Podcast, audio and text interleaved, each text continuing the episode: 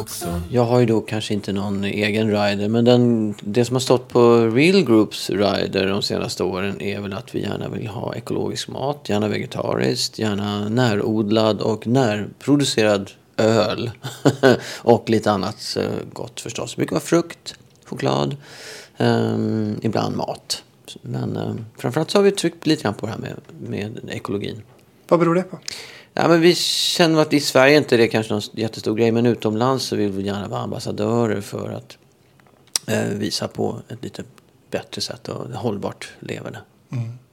Och det, så blir det då när ni är ute på turné. Ekologiskt och hållbart. Ja, ibland är de extremt ambitiösa, ibland har de liksom inte riktigt sett den där grejen. Ja, men då flyger ni inte heller förstås. Men det, vi har ju varit tvungna att flyga genom åren. Jag har ett enormt stort skuldkonto. Jag fick nyligen veta att jag hade en så här livslångt guldkort på SAS. Så här grattis. Så tänkte, det är inte grattis utan det är skäms på dig som har flugit så mycket. Flygskam. Så jag kallar det för mitt skuldkort snarare. Men då har du naturligtvis klimatkompenserat de här resorna under året. Vi kl- klimatkompenserar varje jul faktiskt med gruppen. Det har vi inte gjort.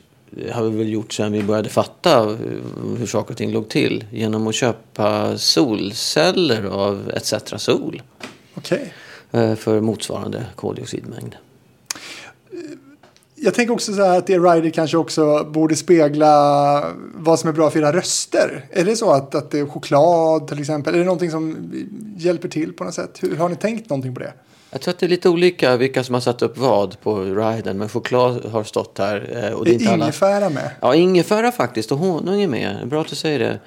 Eh, Men det är, lite grann så är det ju också ett sätt att kolla eh, av en arrangör. Hur, hur har de skött allt annat? Kommer man in i logen så ser man att det förstår de här grejerna. Då brukar allt annat också funka. Det är, det är väl den här klassiska grejen med det här rockbandet som hade M&M's men inga gröna liksom. Och det, det är ju lite så faktiskt. Men det är ju inte, det är ju, alltså det är ju mytologiserande runt riders där och liksom hur många tvättade svarta handdukar hade Madonna i sin loge i Stockholm liksom. Men hade det, har det inte varit lockande ni som har varit ute på turné i hela världen att sätta upp något sånt där? Vet inte, tio vita hundvalpar eller? Jo, egentligen så är det så, kan man göra det om man vill, liksom vill odla bilden av någon typ av upphöjdhet, att vi skulle vara någon typ av stjärnor och någonting. Vi har i stort sett alltid haft den motsatta attityden när vi träffar våra arrangörer, när vi träffar våra fans. Vi vill möta dem på samma nivå. Vi vill inte göra oss till någon typ av stjärnor eller så. Eh, För ofta höra att vi är väldigt tillgängliga och helt normala människor. så. Skönt ändå. Ja, men det är skönt. på jorden. Ja, ja, men det är också roligare. Vem, man vill ju inte bli beundrad, man vill ju träffa människor som är trevliga. Och nu är det dags för Hitfabriken som eh, bara kommer handla om The Real Group den här gången.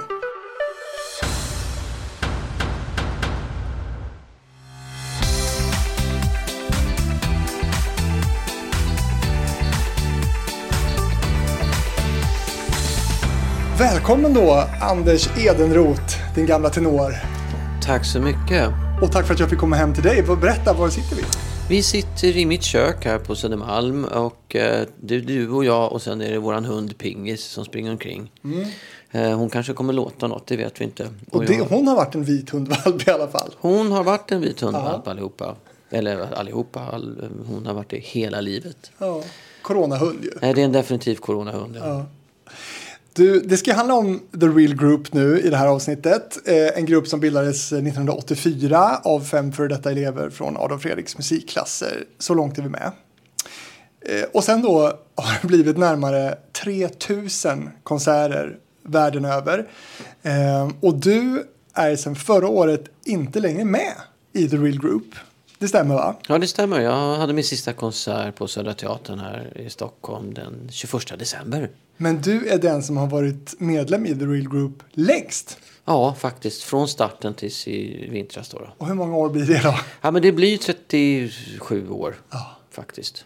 Det är ju galet. Ja, det är galet. Alltså jag kan inte säga att det, att det gick fort, för det gjorde det inte. Utan det är liksom hela mitt liv. Jag var ju 21 när jag började och nu är jag ju liksom pushing 60. Så det är ju två helt olika människor som jag känner mig som. Du är väl Men- utbytt också? Alla cellerna är väl utbytta? All, jag, jag antar att det är faktiskt så. Men det som jag känner är väl en stor stolthet över det som vi har åstadkommit. Vi började ju 1984 genom att skapa någonting som inte riktigt fanns då. Ehm, och, och ville bygga en kombination av svensk körmusik och jazz i första hand.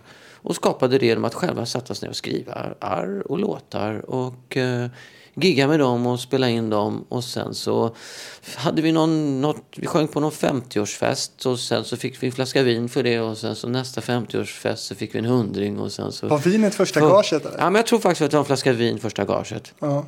Kommer du ihåg vad det var för vin till och med? Nej, men jag skulle kanske sparat flaskan. Den kanske hade varit värdefull idag. På Ebay. Ja, ja, antagligen.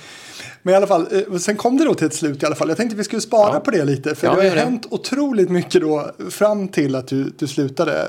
Eh, och vi, vi är också nyfikna på hur det kom sig då att, att, att du slutade. Men hur tänker du kring att det blev så många år då? Över 30 år i samma grupp. Hur blev det så?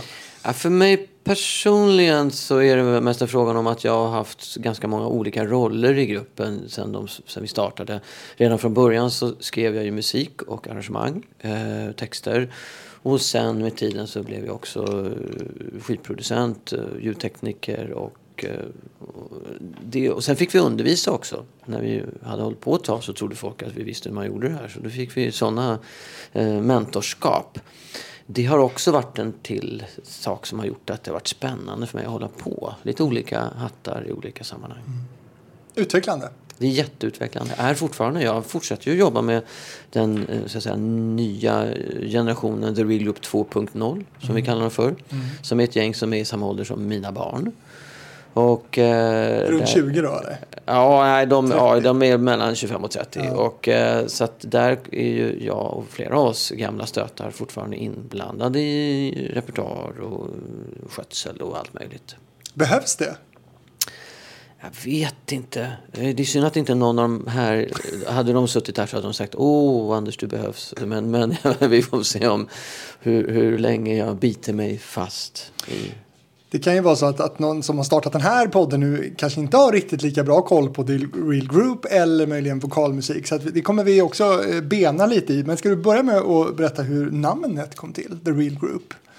De första låtarna vi sjöng kom från en notsamling som heter The Real Book. Som är egentligen en samling illegala eh, noter på jazzlåtar. Alltså, det var Illegala? Ja, de var ju, det var inte lagligt att kopiera. Man hade inte, man hade inte förlagsrättigheter och copyright utan det såldes under disk på lite oseriösa musikaffärer i New York från början. Typ. Eller Underbart, Berkeley låter tror jag faktiskt var. Ehm, och där sjöng. Där fanns ju alla de här All of Me och Misty, de här fina jazzlåtarna från den tiden. Så de tog vi bara där upp. Vi hade inte tänkt hålla på i liksom 40 år. Utan vi hade tänkt hålla på som en liten hobby medan vi gick på musikhögskolan. Men det, att, det, liksom, att det bygger på någon slags illegal verksamhet också det är lite spännande. Ja, just, just det kanske är att ta i lite grann. Men det var som var spännande var ju när vi drog igång där. Vi, vi skaffade det här namnet så The Real Group bara för att vi skulle ha någonting att skriva. The Real Group eh, bokar in sig i sal B32 så här liksom på Akis. Ehm, sen, och sen tyckte vi, gud vilket corny namn. Det här är ju, vad synd att vi valde det när vi började få en publik. Och sen efter ett tag så vände vi, nej men det är faktiskt rätt bra. Vi håller ju faktiskt bara på med au- autentisk sång. Det är inga eh, pålägg, ingenting. Vi kör live och allting. Hur kan inte bli mera äkta och genuint än så? Så The Real Group blev ändå ett bra namn. När fattade du då att, att du gillade att sjunga stämmor? Liksom? Ja, men det har jag gjort hela livet. Jag har alltid njutit av det sedan jag var barn. Första barnkör, eh, gosskörsåren och sen Paul och Fredrik givetvis. Men vad jag inte tänkte på var väl att jag blev bra på det.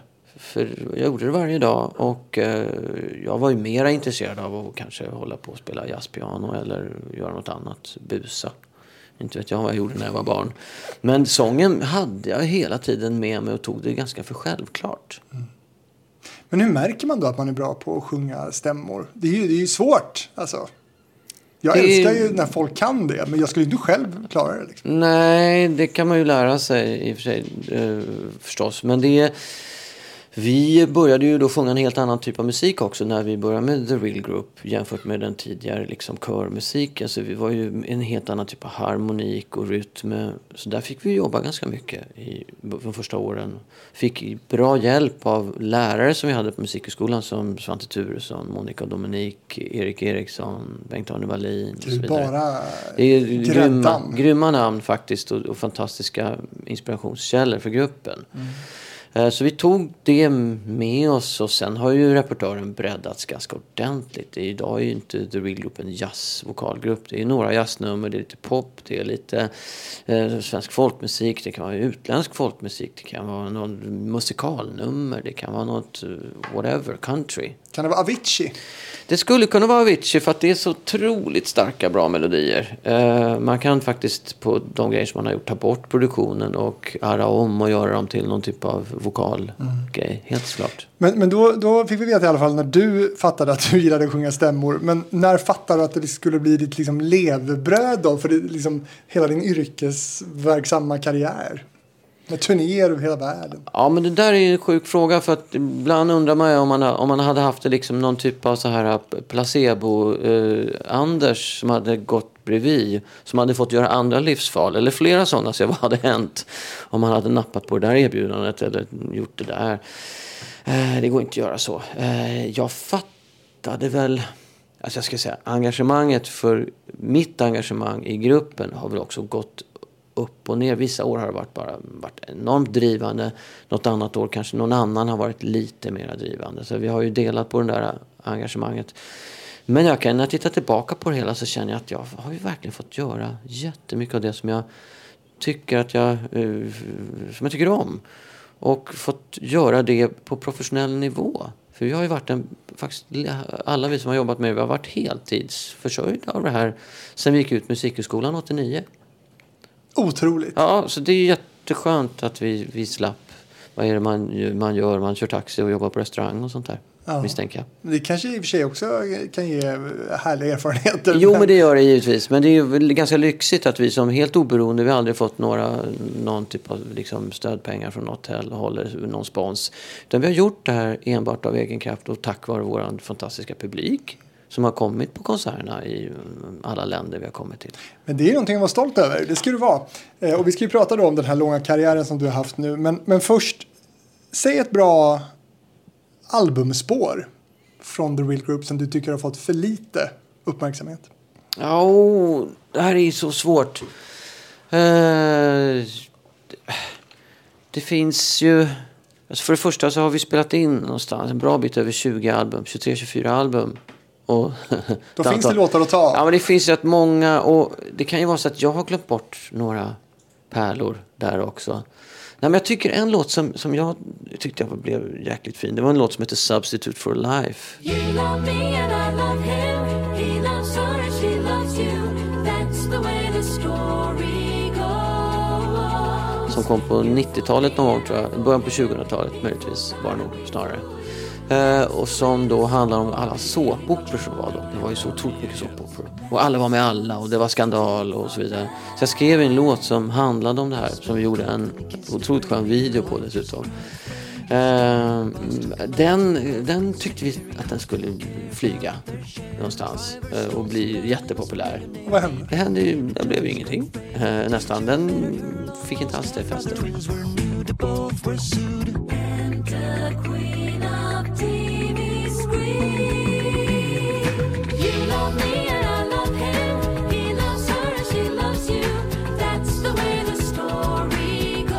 Så den tycker jag. Kan du se det nu? Ja, vad det jag kan inte, alltså, det, jag har ingen aning faktiskt. Jag tror att det mycket har att göra med att det var en parodi lite grann sådär. Och parodier är alltid kne, det är en knepig genre.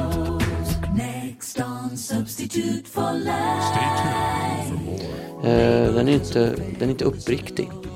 Så tillvida. Jag tror att det är några av de här låtarna som, som vi har haft med gruppen som varit extremt uppriktiga och ärliga. Alltså som Ett liv för mig som jag skrev till mitt bröllop. Eller något som Göta som Peder skrev. Eh, det är låtar som har kommit ur en, en otroligt enkel grundläggande känsla bara. Och så uttrycker man den med röster.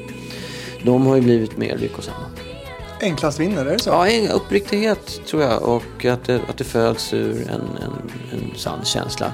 Inte som kanske Substitute for Life som var kanske lite en spekulation och lite putslustigt. Men är det så att ni har liksom varit, har ni, har ni känt er lite ensamma om den här liksom genren som ni lite har varit själva om i, i Sverige? När vi började så kändes vi ensamma i vår värld för att då fick man ofta förklara så här. Ja, har ni, har ni sjunger stämmer men inga instrument så det är som barbershop då? Nej, det är inte riktigt som, som barbershop. Det är faktiskt ganska annorlunda. Jaha, mera som gospel? Nej, inte gospel heller. Så, här. så folk försökte koppla det till några andra erfarenheter de hade.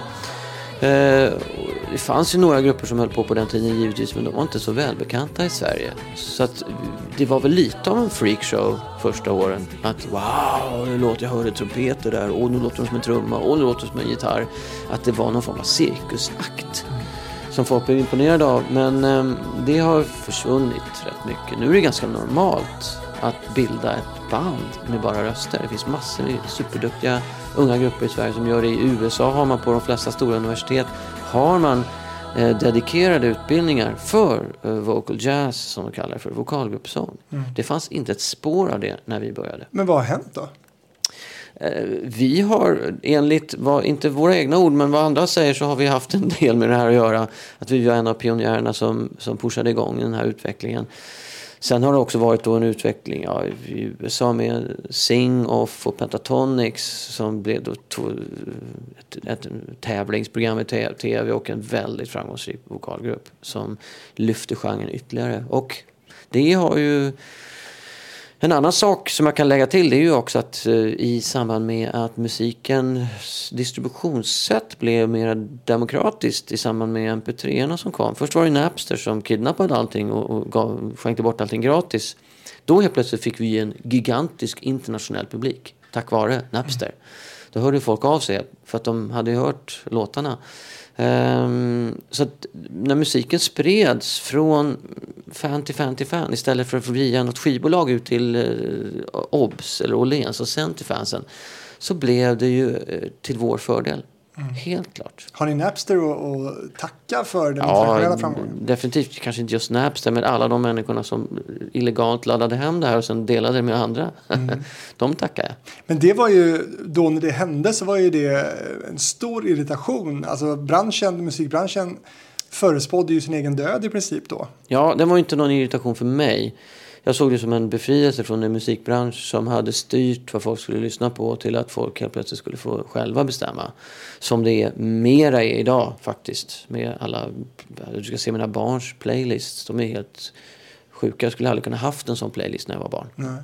Det är en intressant utveckling också det här med från det att, att skivbolagen spår sin död till idag. När, alltså man hinner inte lyssna på all ny musik som kommer. Det kommer ju så otroligt mycket bra ny musik.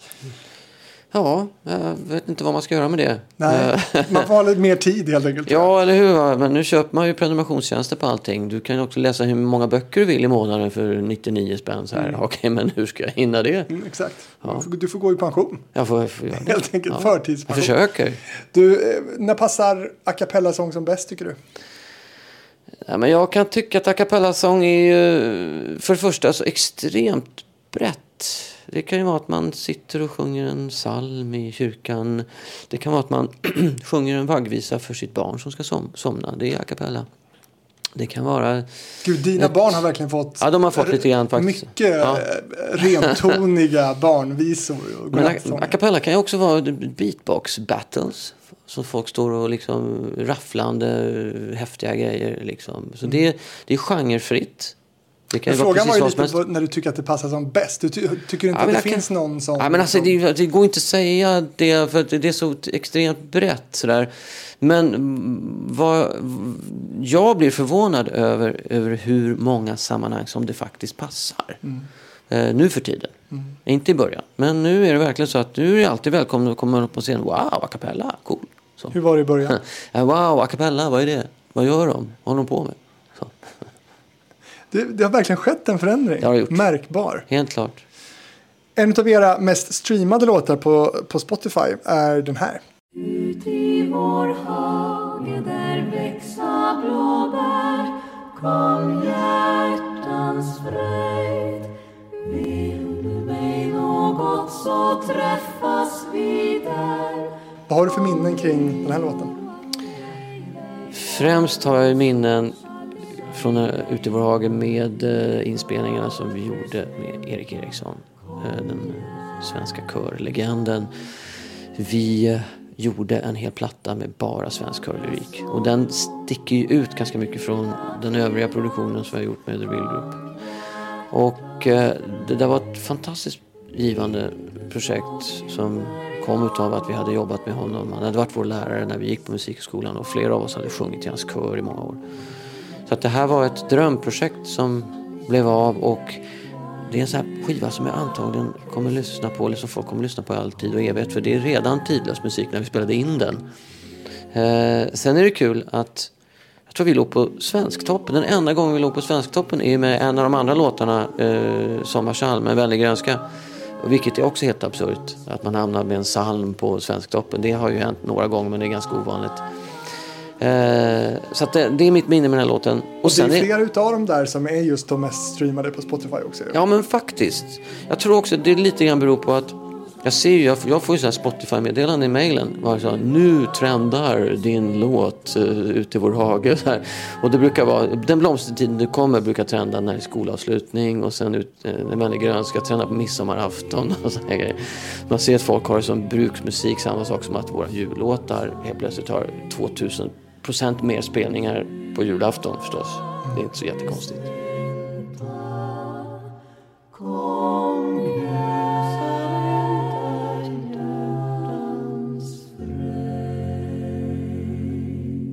Samma sak, jag kan eh, än en gång säga att jag är stolt över det som jag och mina kollegor har åstadkommit.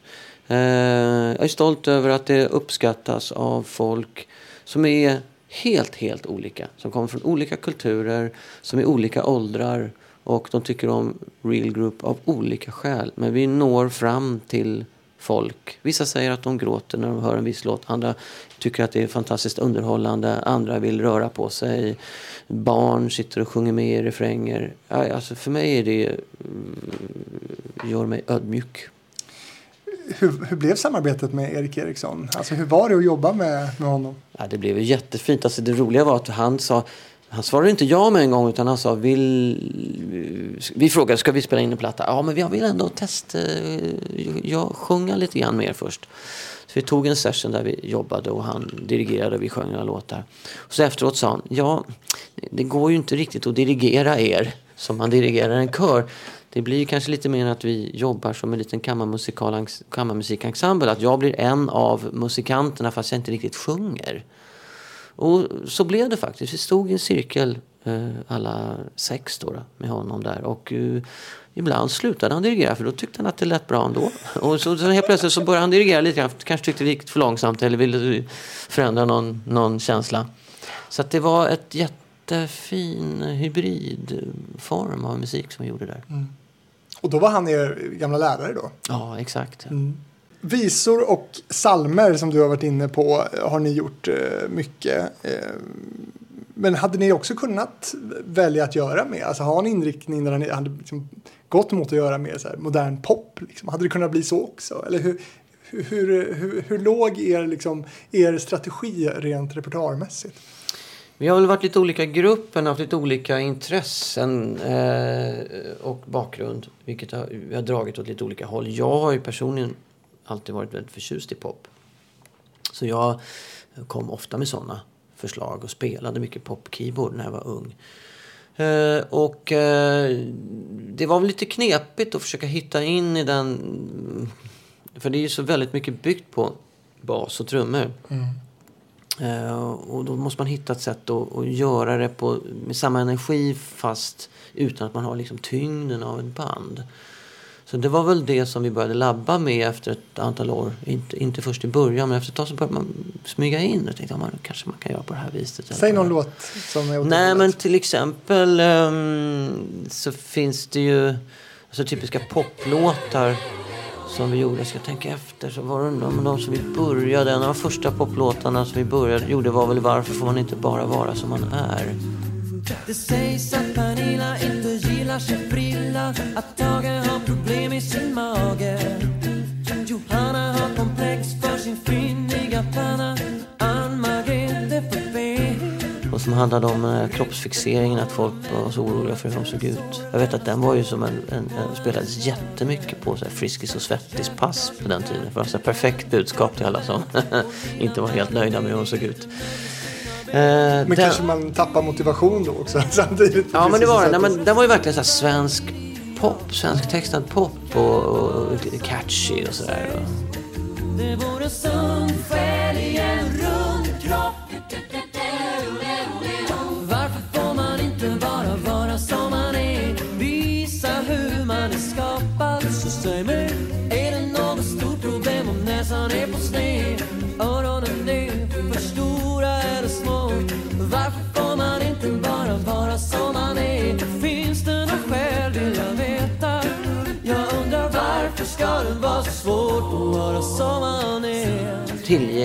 Tillgänglig men ändå med någon typ av mening med texten och sådär. Så där började vi och sen så blev det mer och mer när vi började göra eh, mångkanalsinspelningar så blev det också att vi började göra mass- massor med overdubs och la på beatbox och backup vocals och pads och till slut så hade vi liksom fyllt upp 24, 38 kanaler med vokalpålägg. Men som var svårt att göra live då. Det gick inte att göra live. Då fick man ju reducera ner det där tillbaka till fem igen. Det funkade i vissa fall. Det här med att ni har hållit på så länge då. Vad skulle du säga då skiljer gruppen då från nu? Eller då du nu var med så att säga i, i det som man skulle kunna benämna som original The Real Group liksom. Ja, men jag tror nog att om vi tittar på de första åren, eh, egentligen de första 15 åren, så var det väldigt mycket frågan om att, att etablera sig. Vi skulle ju gå in och vara våra egna försäljare och säga att hallå, kolla in oss. För vi, på den tiden så var det så att man hade en konsert för 70 pers i liksom någon liten mindre ort och sen så började man bygga långsamt en fanbase som gjorde att man till slut efter 15 år hade eh, liksom flera utsålda konserthus i, i Stockholm. Det byggde på att vi sjöng på konserterna år ut och år in och byggde en publik. Vi fick aldrig några radiospelningar. Det var någon enstaka som jag sa då, en svensk toppsgrej. Men vi fick aldrig hjälp av skivbolag som pushade våra hittar eller någonting sånt där. Utan vi fick jobba oss till vår publik. Slita. Vi fick slita och turnera och resa något enormt runt hela jorden och göra det här. Så när vi väl kommer in på 2000-talet, millennieskiftet där, så hamnar vi mer i en fas där vi återkommer till ställen som vi redan har varit på och egentligen skördar frukterna av ett, ett enormt etableringsarbete, skulle jag vilja säga. Eh, och då kommer också vi, då får vi också stor draghjälp av att vår musik helt plötsligt är tillgänglig iTunes och de här nya aktörerna. Som Men då har ni också hållit på länge. Kom det också med en trötthet? Eller hur, hur Nej. gick ni in i den nya Alltså, jag eran? inte tusan, jag tycker, känner jag aldrig att jag har varit speciellt trött på det viset. Eh, det, det som det kom med som var en tydlig grej, det kom ju med förväntningar. Eh, helt plötsligt från att ha blivit så presenterat som ung och lovande överraskning. Det här har ni inte hört förut men kolla in det här gänget. Så är man liksom, nu är de tillbaka igen. Den världsberömda och du vet så här, oj. Då, man hade ju inte någon rookie-fördel längre. Utan det var verkligen, du måste, det här måste levereras på hög nivå svårt att vara som man är?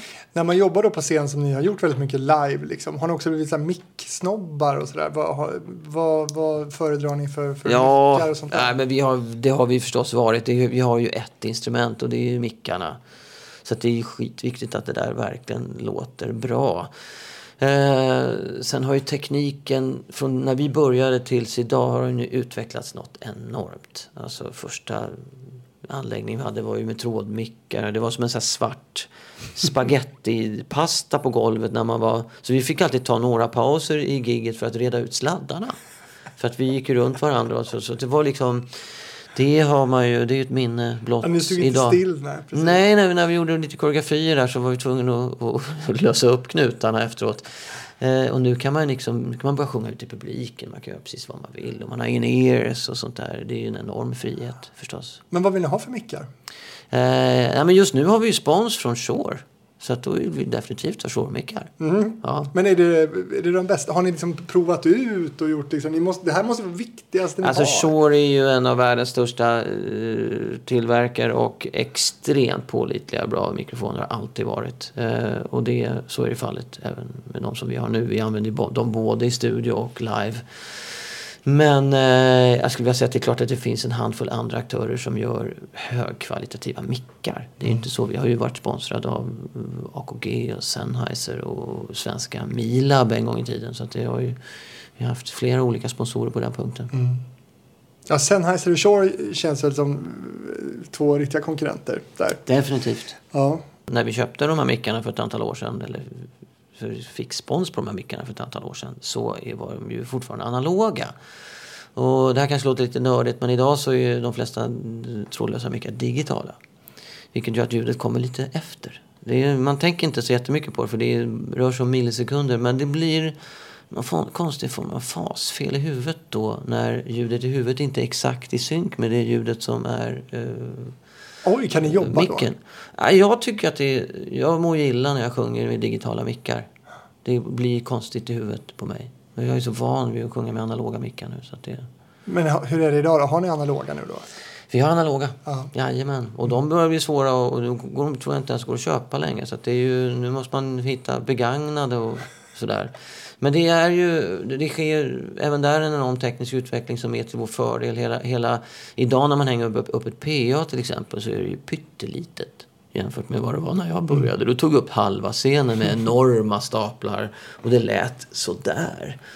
Och nu hänger man upp några små, små, små saker och så täcker man in 2000 pers liksom.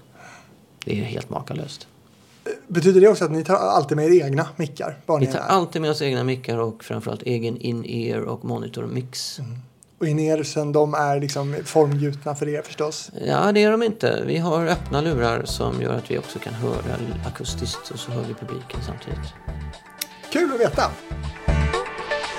Turnéer över världen måste vi prata om för att eh, man är väldigt nyfiken då på hur långt stämsången har liksom tagit dig.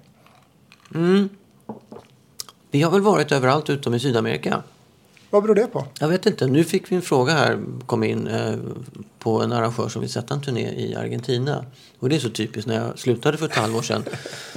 Så jag ska se om jag kan försöka komma med som någon typ av roadie. Eller, jag vet inte. Jag kanske kan sälja merch. Du kunde hand om mickarna. Jag kan ha hand om mickarna. Jag kan putsa dem och ställa in dem. Nej, men så att det är väl... ehm, Det har varit... Givetvis Europa har varit... eh, Tyskland har varit en stor eh, publik. Det är en viktig Eh, marknad. Ja, och sen så de skandinaviska länderna, framförallt Norge i synnerhet. Och sen så Japan, Sydkorea har varit två stora och USA förstås. Vad har varit roligast att turnera? Var? Åh. Ja. ja, men det är så jätteolika beroende på var vi kommer. Vet, När vi kommer till Japan så har vi en publik som... Och ännu mer faktiskt i Sydkorea. Där har vi en publik som var mellan 18 och 21. Liksom, Det är de som väl sen går ut universitet och så här. De har inte tid att gå på konsert först de är pensionärer. De jobbar för hårt. Så där fick vi ju sjunga, första gången vi var i Seoul 2001, det var på alltså 9-11, samma dag som eh, terrorattacken. Okej. Så vi, vi börjar, vi går upp på scen och då är det 2 500 pers i publiken och vi undrar, är, det- vad är det, vilka är det som är headliner ikväll liksom? Ja, det är ni. Ni är de enda artisterna. Men har ni sålt 2 500 biljetter? Ja, det är fullt. Det har slutsålt sedan länge. Sen visade det sig att vi hade ju haft med några låtar i några eller koreanska mm, reklamfilmer som gick på tv. Så alla koreaner kände igen två av våra låtar. Vilka var det? Det var I sing, you sing och en låt som heter Small Talk. Och en till faktiskt, Walking down the street, som Maggan hade skrivit. Så att de, de, när vi kom in där så satt folk och sjöng med i de här tre låtarna. Helt eh, absurd känsla. Och vi fattar ingenting. Efteråt så sitter vi med kravallstaket och massor med vakter och signerar album i två timmar. Det var så här Beatles, eh, unga människor som skrek och nästan svimmade. Sen kommer vi tillbaka till hotellet och sitter och, och, och tar en öl och ser på en, en stum tv i baren hur flygplanen flyger in i World Trade Center. Och vi tänker, vad i helsike håller på att hända? Så det var en mycket, mycket märklig dag i mitt liv. Du var liksom big in Japan Utan att veta om det riktigt då? Eller? Nej, det här var Korea. Korea. Sydkorea Soul, ja. Precis. Ja, det hade vi ingen aning om. Det hade byggts upp en, en fanbase utan att vi ens hade varit där. Kom ni tillbaka någon gång? Vi var tillbaka, alltså i tio års tid så var det nog vår mest lukrativa marknad. Och jag, jag tror fortfarande, alltså idag så tror jag får ungefär en tredjedel av mina stimpengar kommer från Sydkorea. Vilket är märkligt med tanke på att det är liksom K-popens hemland och jag exporterar musik till dem. Men hur... Det är bra. Ja, det är verkligen. Men, svenskar är ju erkänt Ja, bra ja. på det å andra sidan. Så är det. Men, men eh, hur var det då där? Och jobba som musiker, turnerande musiker där? Vad är din erfarenhet liksom? Nej men det har varit spännande att jobba i Asien, givetvis. Det har ju varit stora kulturella barriärer och inte minst språkliga barriärer som gjort att det inte alltid har varit så lätt att nå folk med mellansnack. Man har fått jobba med en enklare form av dialog många gånger och eh, nu generaliserar jag men, men i stort sett har, alltså, har det varit den känslan och så har man fått jobba mycket mer med en emotionell kommunikation vilket har varit väldigt nyttigt för oss. Hur, hur, är det?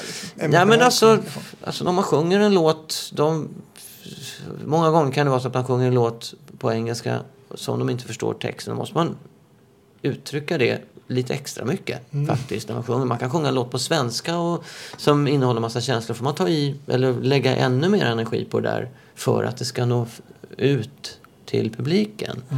Och där vet jag, det var ju när jag lyssnar på indisk musik eller afrikansk musik. Jag har ingen aning om vad de sjunger om. Men jag blir ju berörd. För det kommer en, en känsla förstås. Mm. Var vart?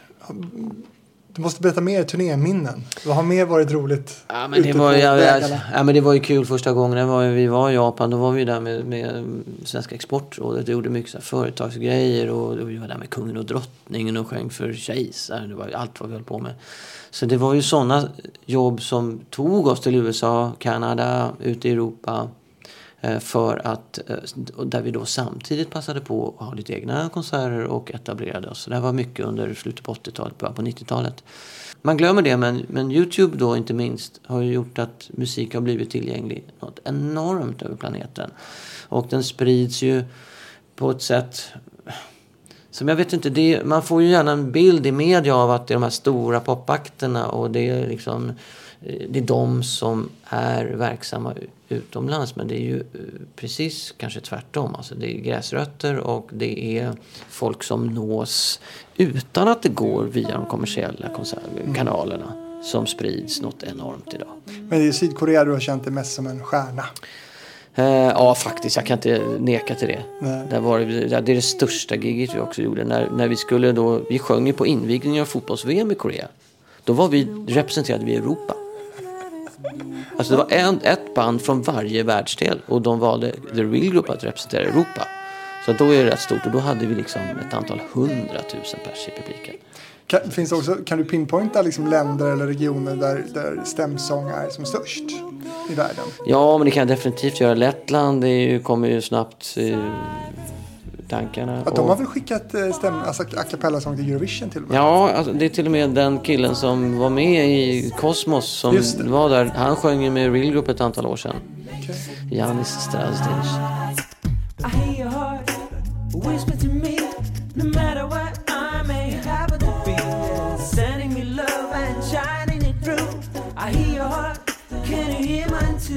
Där är det ju, alltså det är två miljoner invånare i Lettland och jag tror att liksom i stort sett alla utom två sjunger i kör. Så.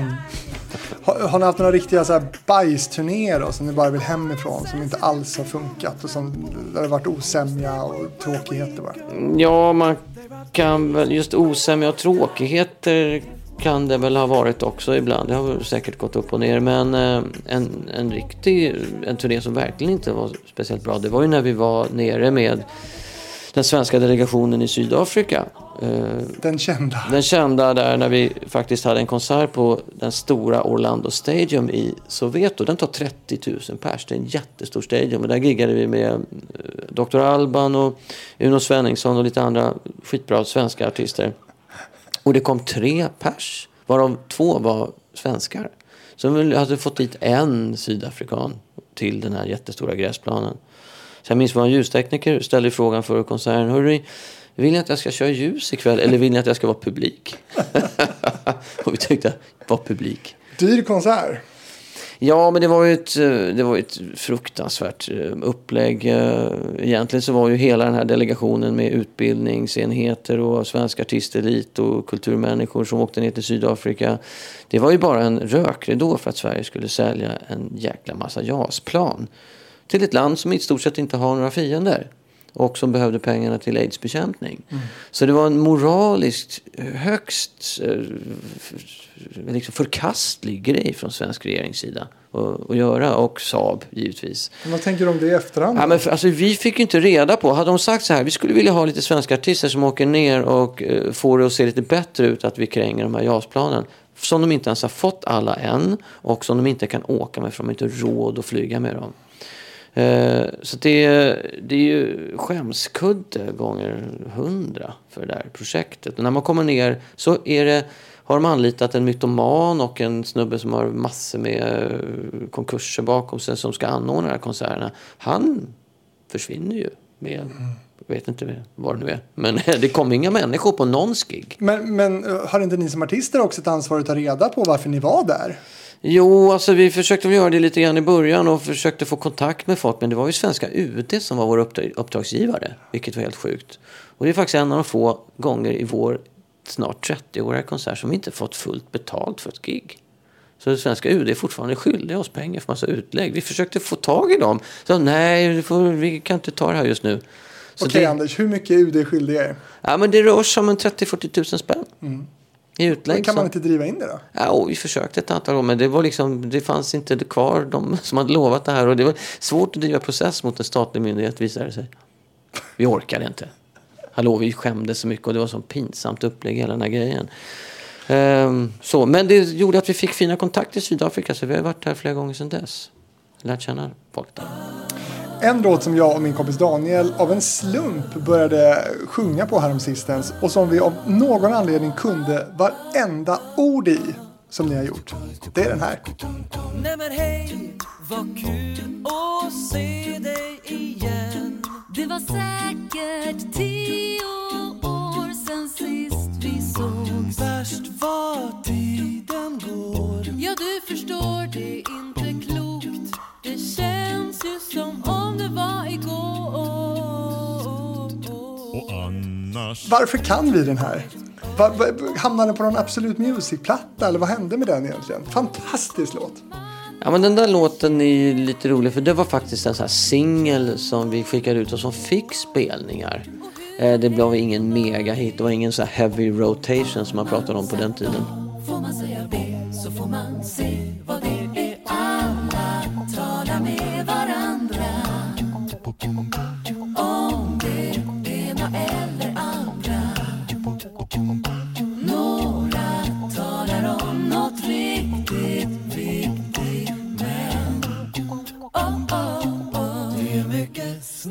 Eh, Men det var ändå en låt som eh, folk än idag påminner mig om att vi gjorde. Ja, gud, den måste ni Eh, spela. Ja, men det var ju kul. Det var ju vår ljudtekniker som egentligen han, han var bra på. Han hade alltid några så här sköna plattityder och, på lager som, som jag sen skrev om gjorde om till en låt. Så det får jag tacka honom för. Men, men spelar inte den här längre? Ja, alltså den gör vi väl. Den finns ju på engelska också, heter Small Talk. Så den eh, händer väl att den dyker upp och vi har kört den med symfoniorkester också. Så att den har varit på repertoaren av och till och av och till och så. Den får ni aldrig släppa. Det är Nej, och jag tror jag har gjort en julversion också. Jaha. Uh, jag minns inte hur texten var, men den handlar säkert om tomten eller någonting sånt. Jag Vad heter den inte. då, du? Ja, alltså, vad bra att du frågar. Men det borde man ju nästan ta reda på. Det är 700 låtar någonting ni har, har liksom framfört. Ja, jag, jag tror att det, det var i alla fall vad, i katalogen så finns det, men det har nog varit några till. Jesus. Galet ju. Alla medlemmar då, för The Real Group idag är ju då inte eh, The Real Group som, som, som det såg ut från början. Hur, hur funkar det här? Liksom? Ni har bytt medlemmar lite under årens lopp. Varför Ja. då? Nej, men vi var ju samma gäng i 23 år. Men då måste man tillägga också att det var både Katarina och Margareta var ju mammalediga i några perioder. Nu var det även så att vi några av oss var pappalediga men inte alls i lika långa perioder. Som det brukar vara. Som det brukar och som det tyvärr fortfarande är. Eh, Men eh, så att där hade vi ju några vikarier som hoppade in eh, för- under de perioderna. Men sen så efter 23 år så bestämde sig Margareta för att satsa på en solokarriär och gjorde några jättefina jazzplattor. Hon är grym. Ja, och, och sen så en efter en så slutade folk fram till att jag då slutade 2021. Men sen var det också så att Katarina kom ju tillbaka och återbesökte gruppen för hösten igen. Vi var ju lite oroliga för att pandemin skulle ta koll på faktiskt på vokalgruppen totalt som den nu har gjort med väldigt mycket kulturverksamhet. Men vi gav oss tusan på att faktiskt försöka få någon typ av återstart. eh, Och satsade på det här och rekryterade ett nytt gäng då. Det måste varit då våren 2021 som vi fick möjlighet att göra det här. Och, eh, så nu är det här eh, Real Group 2.0 som är ute och åker. Men ja, är det The Real Group då? Ja, det är definitivt The Real Group. Vem Ja, äger men- varumärket? Nej, men jag får ju den frågan, kan man verkligen säga att det här är The Real Group då, då om inte det är ni som... Och eh, det kan man ju inte göra om inte vi hade varit okej med det. Då får man väl kanske inte hålla på på det här viset. Så vi är, och vi är ju så otroligt stolta över det här unga, nya gänget. De är helt makalöst fantastiska. Och det, de tar också Eh, det här som jag pratade om tidigare, att, att man vill ha en ganska personlig och eh, inte så snobbig och divig inställning till sin, publik. Att man var tillgänglig och nära. De är så fina med publiken när de, när de möter dem efter konserterna och sådana sammanhang. Och ungdomar som gamla sådär och utomlands. Så att jag är så glad över det här nya gänget. Men, hur- men hur har det kommit sig då att, att just medlemmar har kommit, eller, och gått kanske framförallt? Då? Ja. Alltså, har det varit eh, för att det har, ni har hållit på så otroligt länge, gjort ganska mycket turnéer? Eh, eller har det varit så här uppslitande konflikter? Eller vad har det varit? Nej, alltså uppslitande konflikter har vi haft. Eh, och sen har vi försökt eh, lösa dem. Hur Och då? så där pratat ja, genom att ofta så har väl nästan alla konflikter är oftast mellan två personer. Så har man tre personer fått gå in som i värsta fall så kan det vara så här uppdelat att det är två som tycker en sak och tre som tycker en annan. Det blir konflikter mellan två grupper men det har varit extremt ovanligt. Så många gånger har det varit de här tre andra som kanske inte varit direkt inblandade i någon, någon, något gräl som har fått gå in och vara medlande och liksom gjuta lite olja på vågorna. Men eh, du ställde frågan om varför vi, eh, varför medlemmar har slutat i gruppen. Och det är ju, alltså egentligen vore det ju konstigt ifall det inte var så. Ja. Det, det, det anmärkningsvärda är ju att det var samma medlemmar i 23 år. någonstans. Så att eh, jag, jag tror väl att det... Jag slutade ju ganska sent någonstans och eh, hade väl tänkt att göra det ett antal år. Så blev pandemin blev en väldigt bra så här, eh, spark i rumpan. Nu faktiskt kan du lägga ner. Och, och det fanns tid och utrymme att eh, träna upp ett nytt och rekrytera ett nytt team. Så att eh, jag vet inte, det är en jättesvår fråga. Jag har ju också sett det hela inifrån på ett sätt hela tiden. Eh, om du frågar varje enskild medlem som slutar så tror jag du får eh, olika historier. Helt För, för, det är också, det är ju speciellt att vara en grupp med ganska många det finns många viljor och så vidare. Du var inne Mm. lite på liksom att det kan finnas två som tycker olika. Eller att, att det finns grupperingar i gruppen och så vidare. Men har ni liksom, ni har kunnat lösa det där själva? Ni har inte behövt liksom ta hjälp med liksom och, ja, Nej, men vi har faktiskt tagit hjälp. Eh, vi har haft eh, så här eh, företagspsykolog vid några tillfällen och annan extern hjälp med några konsulter som, som, som ska göra att man kan lösa knutar. För många gånger så kan en person som kommer in utifrån som är neutral och som ingen känner på det viset har ju en större möjlighet att för det första identifiera någon typ av problematik och sen så i bästa fall också försöka lösa den. Så det är vad ska man säga, vi har ju, gruppen har ju blivit som någon typ av familjesituation. Det har varit så väldigt tajt och nära varandra så att relationerna är inte längre yrkesroller eller som man har en kollega på jobbet. Där man, utan det är mycket mer en fråga om att man, de, de konflikter som är, är väldigt lika de som man har i en familj. Det vill säga att jag kan rycka ihop med någon i min familj om en specifik grej. Det innebär inte att alla de andra grejerna är helt värdelösa. Så kan vi mötas på alla andra plan och tycka att det är fine. Mm. Men att man bråkar ju ofta om en specifik detalj. Typ, Ja. ska vi verkligen köra alla talar med varandra? Ja, men lite. Det skulle kunna vara repertoaren har varit en sån grej. Det kan ha varit andra saker som har påverkat också. En, en väldigt en konfliktyta har ofta varit här med monitor-situationen.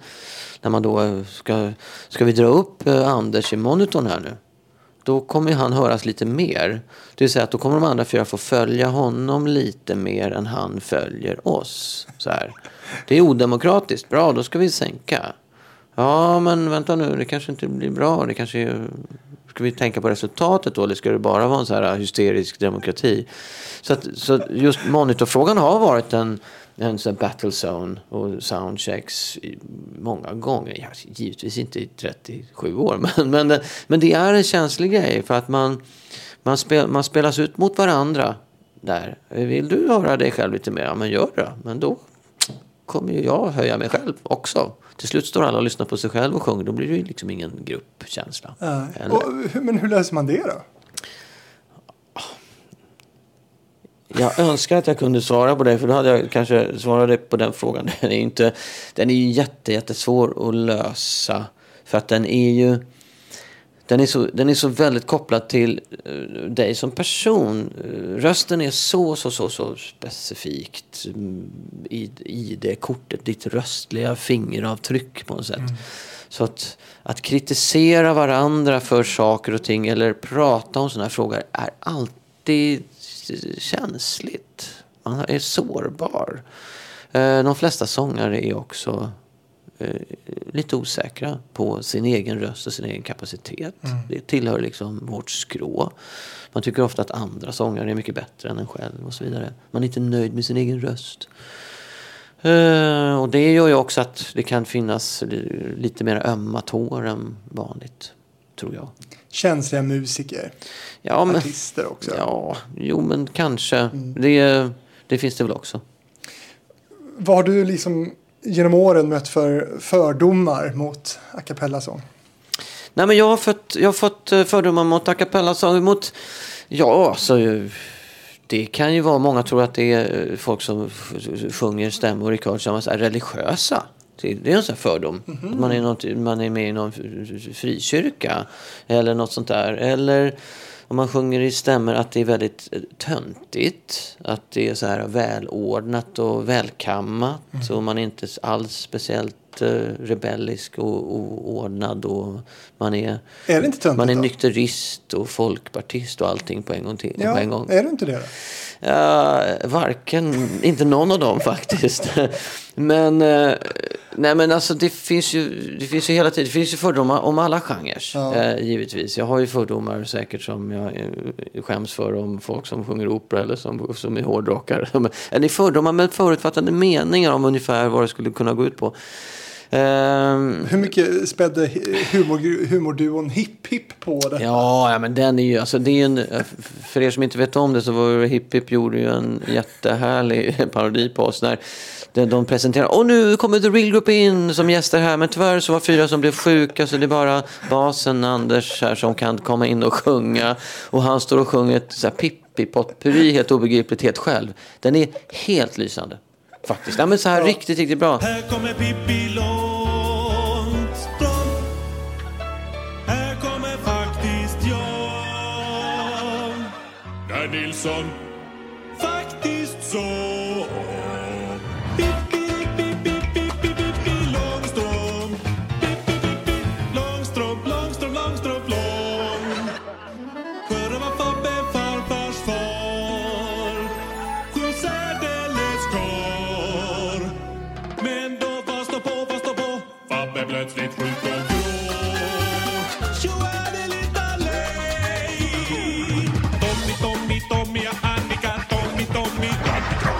Och sen så var det någon, och sen var det någon annan de gjorde på en krogshow i Stockholm. Där de hade satt, man hade sjungit supersvårt jazzar. Rätt bra faktiskt. Där. Men de hade satt på sig en enda stor jättesäck på, på, så det var en arm bara på varje, så det var en stor amöba med två stycken så här gravidmagar. För under de här åren som, som våra två tjejer där oftast var med barn. Så, där. så såg, gruppen såg ut som att de var gravida hela tiden. Så jag var så här, ja. Men tillbaka till det här med fördomar. Alltså det är ju... Eh, jag har ju väldigt svårt för folk som vill att musik ska vara segregerande. Eh, och det kanske låter konstigt, man kan tänka åh, det är så in, in, alla tycker väl om musik. Ja, men musiken används jättemycket som att dela in folk i olika fack. Att man är på ett visst sätt för att man lyssnar på en viss musik. Man identifierar sig med en genre och då är man en punkare, man är en syntare, man är en hiphoppare. Hårdrockare? Ja, men faktiskt att det är så här, och då kommer massa saker med på köpet. Mm. Som ingår, och är man då en körsångare så är man ordningsam och töntig och har pärmen under armen och man kommer i tid. Så här.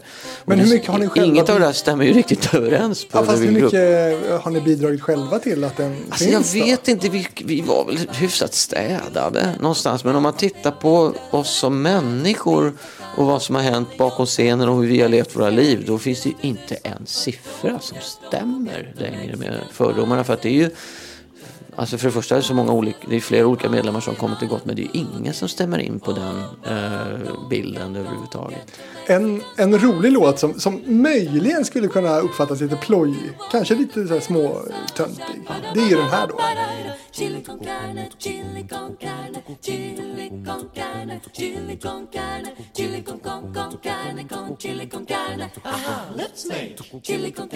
Ja men det här, det här är ju lite roligt ju. Men det är ju inte jättecoolt. Nej, jag vet inte. Det beror på vad du menar med coolt. För att det är liksom... Den är otroligt snygg. Ja, men den är, den är kul, den är lekfull och den skrev jag när jag var 19. Jag skrev jag flera år innan Real började. Men det, men det, men jag säger det med cool musik. För att man ska tänka, det är ju, det finns ju, det finns ju en grupp människor som är överens om vad som är cool musik. Vad som är credit och vad som är ballt. Om du skulle plocka liksom 20 av landets topprecensenter så skulle de kunna enas. De är, de är besvärande eniga om vilka artister som är coola. Sådär. Är det manliga kritiker så skulle alla ha så här Bob Dylan med på listan och så vidare. Men allvarligt talat, och så många kvinnor skulle inte ha med och så vidare. Så att det, det finns massa överenskommelser som de här absolut inte skulle skriva under på. De skulle tycka att det här är bara mina åsikter, det är bara jag som tycker så här. Men det här med cred och vad som är hipp och cool och det här liksom. Det är en sån otrolig märklig mätmetod. Jag tycker ju liksom...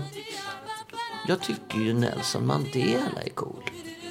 Eh, på ett sätt som eh, överträffar det mesta någonstans. Eh, där tycker jag nog att om någon skulle komma och säga med att han är töntig. Då skulle jag säga nej, du har faktiskt fel. Men det är väl ingen som säger det? Nej, Alla tycker väl att där är är faktiskt alla överens. Ja, Men vad det gäller musik och konst och filmer och skådespelare och kläder och allting sånt där. Då är det ju väldigt mycket en smakfråga. Mm. Vad man egentligen tycker är bra. Sådär. Men kort då innan vi lämnar det här med att vara töntigt eller inte. Eh, vad är statusen idag Ja, men- för a cappella-sången skulle du säga? Jag tror att det finns en bild av att den är eh, så perfektionistisk. Att man övar jättemycket och så, så går man upp på scen och redovisar. Kolla vad vi har lärt oss. Ja. Vad skickliga vi är. Eh, och det där, var ju, det där var ju en kamp som vi förde med gruppen av att givetvis så övade vi som tusan för att bli bra. Men sen när vi gick upp på scenen så var vi jättemåna om att inte redovisa det vi hade lärt oss utan att det skulle vara öppet. Vad som hände med låten, känslorna. Blev det att det? det skulle, ja men det blev faktiskt det. När, det var, när vi var som bäst så gjorde vi versioner som vi aldrig hade gjort förut. Vi lyssnade in oss på vad, hur vi mådde och hur publiken mådde och vad, hur stämningen var just då. Då blev det så här helt magiska ögonblick. Våra dåliga dagar, då gick vi väl upp och redovisade det här har vi lärt oss att sjunga. Sådär. Eh, men jag tror att det är, det är när man skickar upp en, en rockgitarrist på scenen sådär. Då är liksom utgångsläget är att det, man, publiken ska tro att han har supit hela dagen. Och att han aldrig någonsin kammat sig eller tar en dusch Man på julafton. ja. Nej men alltså för att man odlar en sån image. Och, han, ja, och att han skjuter diverse droger. Sådär. Och så är det ju inte. Utan men det, man odlar imager som inte stämmer för att ett, några ska bli nöjda. Men ni har ju inte odlat har den här präktiga imagen. Och jag, är inte så att, och jag är inte speciellt orolig för att vara präktig. Jag minns att jag, om jag får berätta en rolig anekdot. Jag blev ju uppringd av något tv-program, något radioprogram. Där Christian Lok satt med sin, var det möjligtvis hans dåvarande Karina, vad hette hon då? Berg. Berg, precis ja. De vickade i ett radioprogram eh, och skulle in, intervjua mig för vi gjorde en pingstkryssning med Birka Cruises eh, sådär, där vi skulle sjunga en hel helg och ha lite workshops. Och, så, och jag blev uppringd av, av redaktionen där och så undrar om Christian ska få eh, intervjua mig.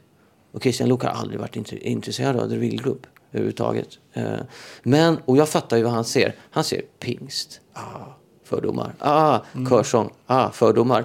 Ålandsbåt.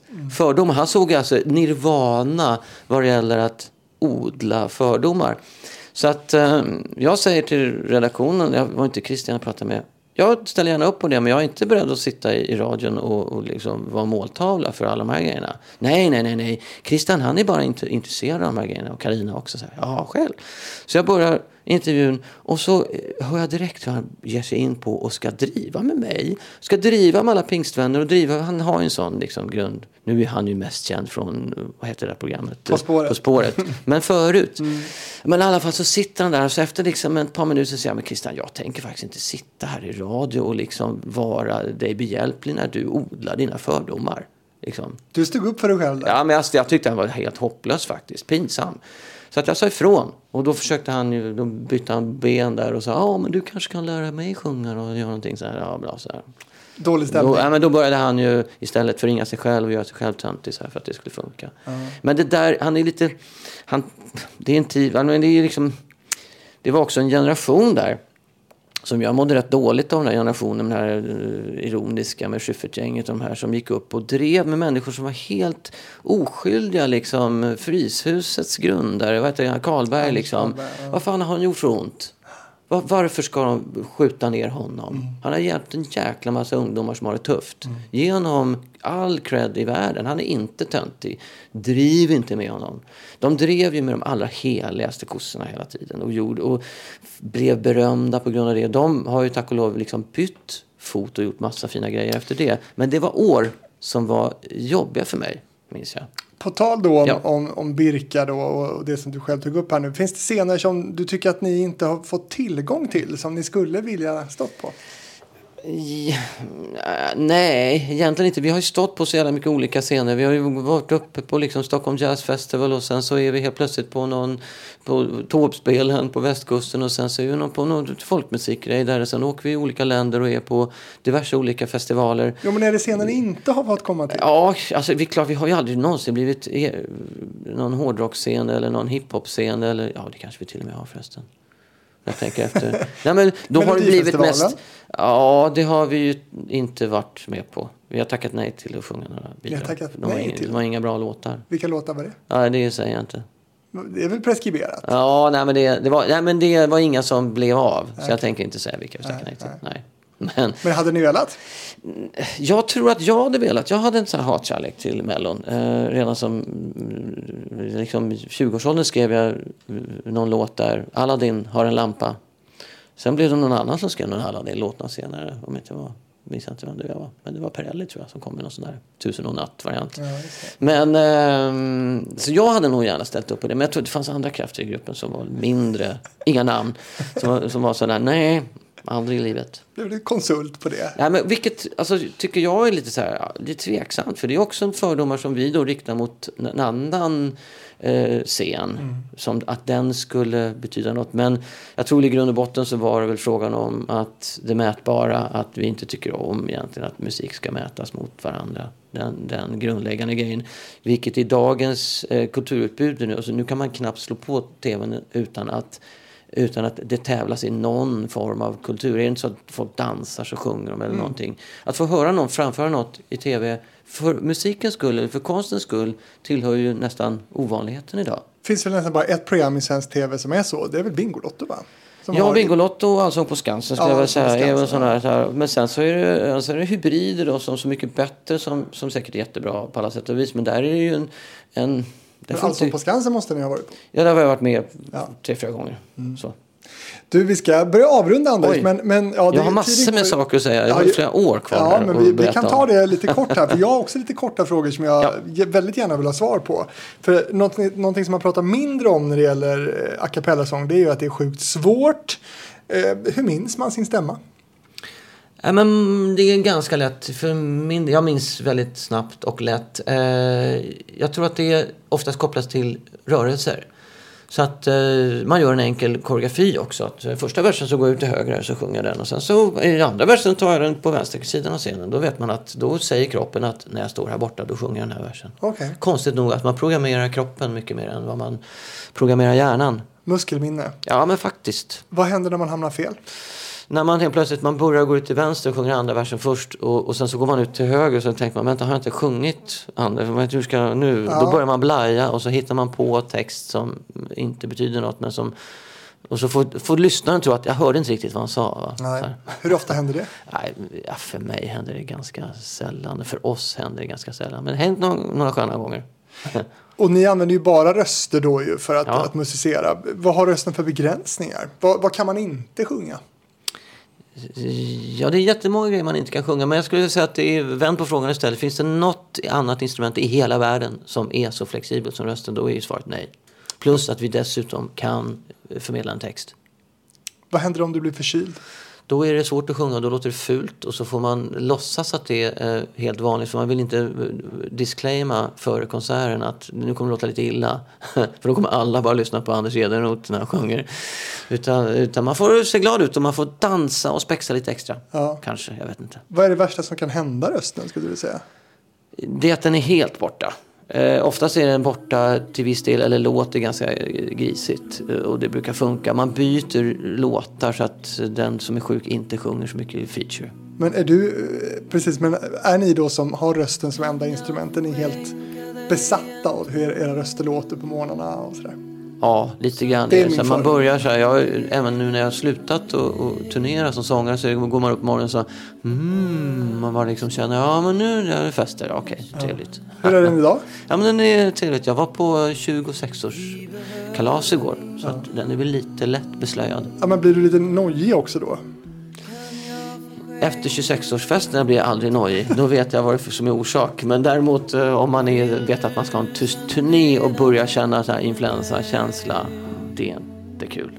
Vad har du för ritualer och, konstiga grejer för dig då för att du ska hålla rösten i, trim? Ja, det, är inte, det är inte konstiga grejer. Man sover mer, man dricker mer, man, undviker, man röker inte, man undviker sprit, man eh, gör massor med, man snackar inte så mycket på planet och sabbar rösten redan där. Och så vidare. Ett liv för mig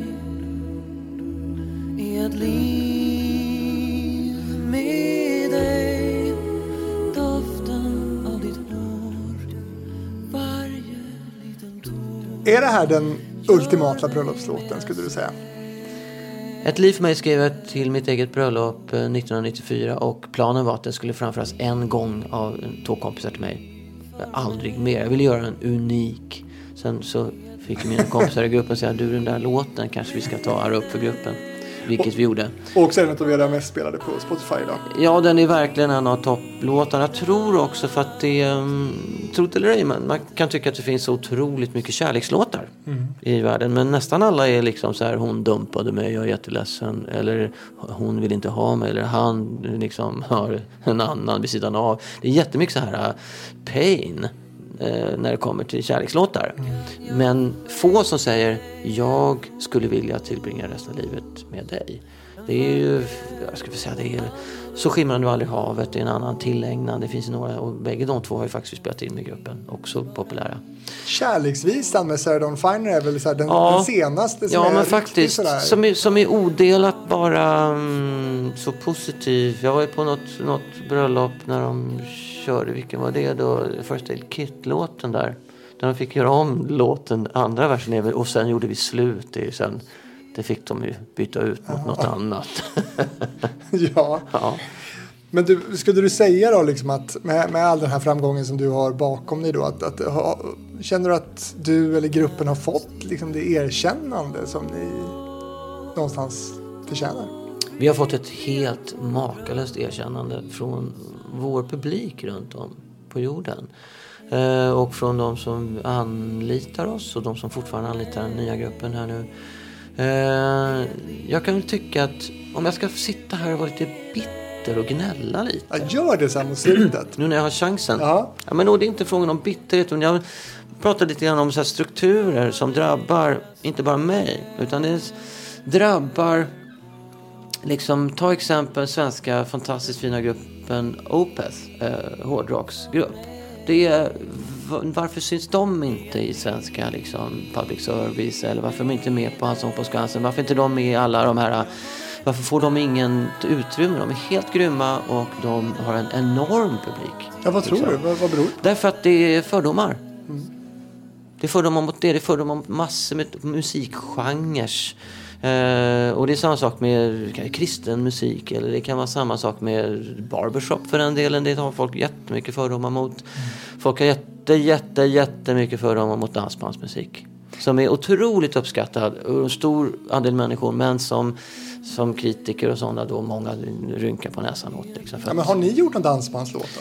Vi har inte gjort någon Nej. dansbandslåt. Men det är ju, jag vet inte, dansbanden har inte gjort någon a cappella-låt heller för den delen. Men det är ju, för mig är det så här att det är, när musiken funkar och når fram till den lyssnaren som den är avsedd för, då är den, då är den ju bra i sin genre någonstans.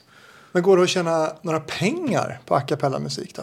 Ja, Har det gjort det gör det definitivt. Jag vet inte om jag är ett bra exempel på det. Men, men vi har ju goda vänner utomlands i Pentatonix, eh, Mm. Take Six. eh, definitivt eh, mångmiljonärer på sin musik. Om man tittar på vad vi har dragit in Ja, under de här 30 åren snart så är det ju ofantliga mängder.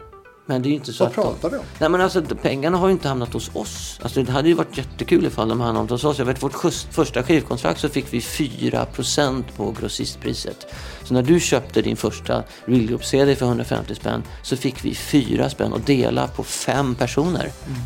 Så att några andra fick väldigt bra betalt för det. Vi har ju sålt liksom platina säljande plattor och vi har ju liksom gjort massa konserter. Men där är det managements och andra konsertproducenter och massa saker och givetvis kostnader.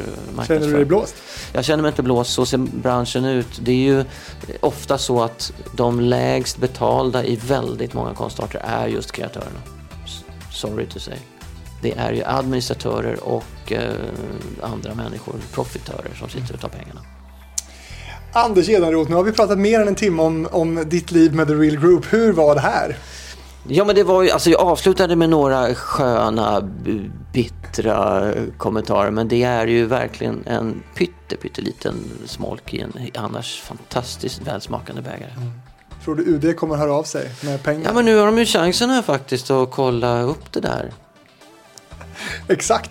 Du, ehm, är det någonting som jag borde frågat dig om som jag inte har gjort nu? Vi har pratat mycket om fördomar, blev det. Ja, men det tycker jag är viktigt. Och Ja. det gäller inte bara mig, utan det drabbar ju väldigt många i vårt samhälle. Och mer och mer eh, idag så odlas det fördomar på politisk nivå. Det tycker jag är högst obehagligt.